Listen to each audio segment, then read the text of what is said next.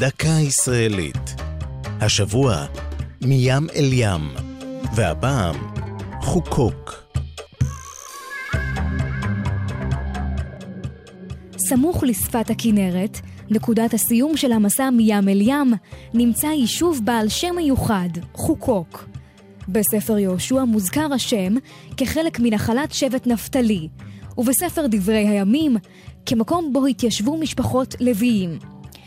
בתקופת התלמוד היה באזור כפר בעל אותו השם, ותחת השלטון העות'מאני הוקם בקרבת מקום כפר ערבי, שבעקבות השם המקורי נקרא יקוק.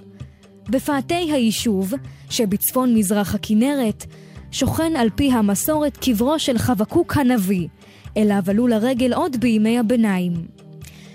כבר אז זיהו עולי הרגל חורבות של בית כנסת עתיק ליד הכפר, ובחפירות שנעשו שם נחשף בית כנסת מפואר מתקופת התלמוד, המרוצף פסיפס יפהפה.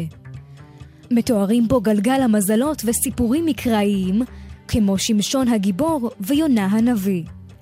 ב-1945 קם באזור קיבוץ חוקוק, שנועד תחילה ליישב חיילים יהודים שהשתחררו מהצבא הבריטי.